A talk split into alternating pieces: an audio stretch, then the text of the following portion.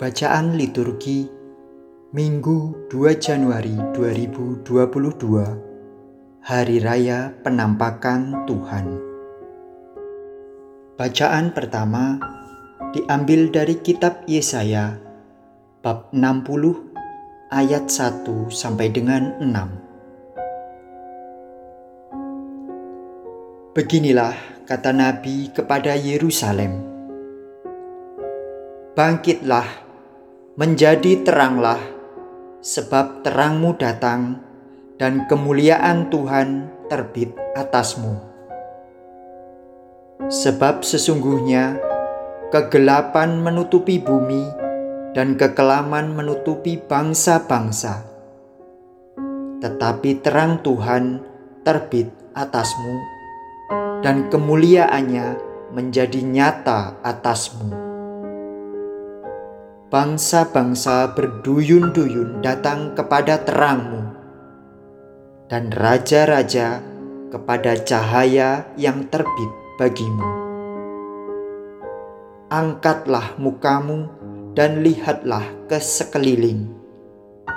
Mereka semua datang berhimpun kepadamu.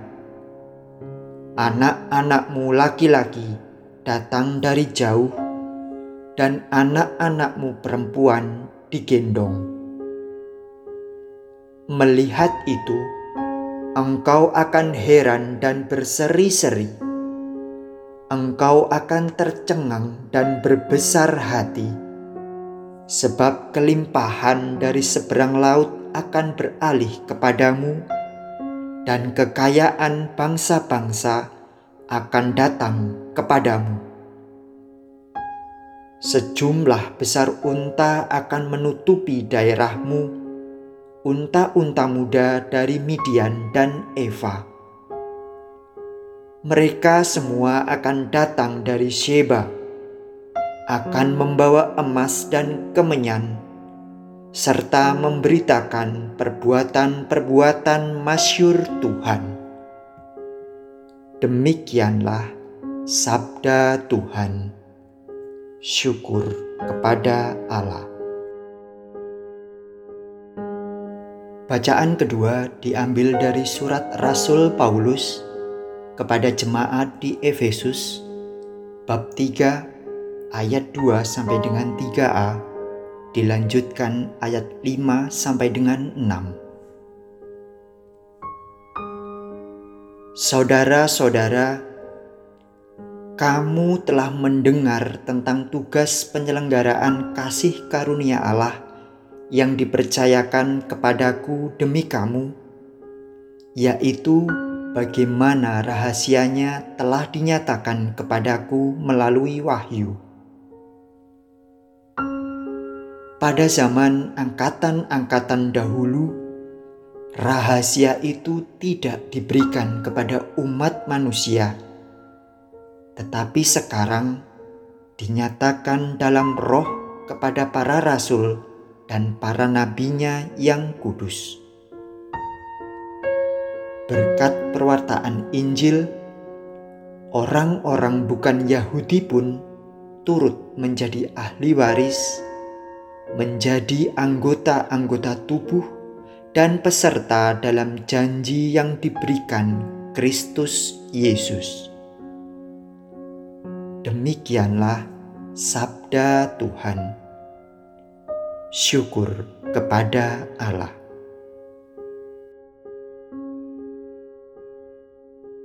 Bacaan Injil diambil dari Injil Matius bab 2 ayat 1 sampai dengan 12. Pada zaman pemerintahan Raja Herodes, Sesudah Yesus dilahirkan di Bethlehem di tanah Yudea, datanglah orang-orang Majus dari timur ke Yerusalem. Mereka bertanya-tanya, "Di manakah raja Yahudi yang baru dilahirkan itu?" Kami telah melihat bintangnya di timur, dan kami datang untuk menyembah Dia. Mendengar hal itu, terkejutlah Raja Herodes beserta seluruh Yerusalem. Maka dikumpulkannya semua imam kepala dan ahli Taurat bangsa Yahudi, lalu dimintanya keterangan dari mereka di mana Mesias akan dilahirkan. Mereka berkata kepadanya, "Di Bethlehem di tanah Yudea, karena beginilah ada tertulis dalam kitab Nabi, dan engkau Bethlehem di tanah Yehuda, engkau sekali-kali bukanlah yang terkecil di antara mereka yang memerintah Yehuda, karena daripadamulah akan bangkit seorang pemimpin yang akan menggembalakan umatku Israel. Lalu dengan diam-diam Herodes memanggil orang-orang Majus itu dan dengan teliti bertanya kepada mereka kapan bintang itu nampak. Kemudian ia menyuruh mereka ke Bethlehem katanya, Pergilah dan selidikilah dengan seksama hal ikhwal anak itu. Dan segera sesudah kamu menemukan dia, kabarkanlah kepadaku supaya aku pun datang menyembah dia.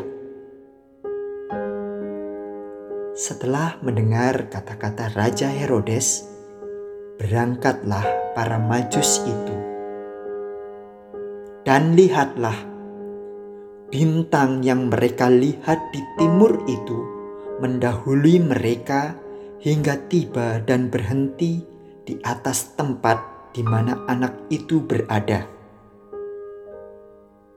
Melihat bintang itu, sangat bersukacitalah mereka. Mereka masuk ke dalam rumah itu dan melihat anak itu bersama Maria, ibunya. Lalu mereka sujud menyembah Dia. Mereka pun membuka tempat harta bendanya dan mempersembahkan persembahan kepada anak itu, yaitu emas, kemenyan, dan mur. Kemudian, karena diperingatkan dalam mimpi supaya jangan kembali kepada Herodes. Mereka pun pulang ke negerinya lewat jalan lain. Demikianlah sabda Tuhan. Terpujilah Kristus.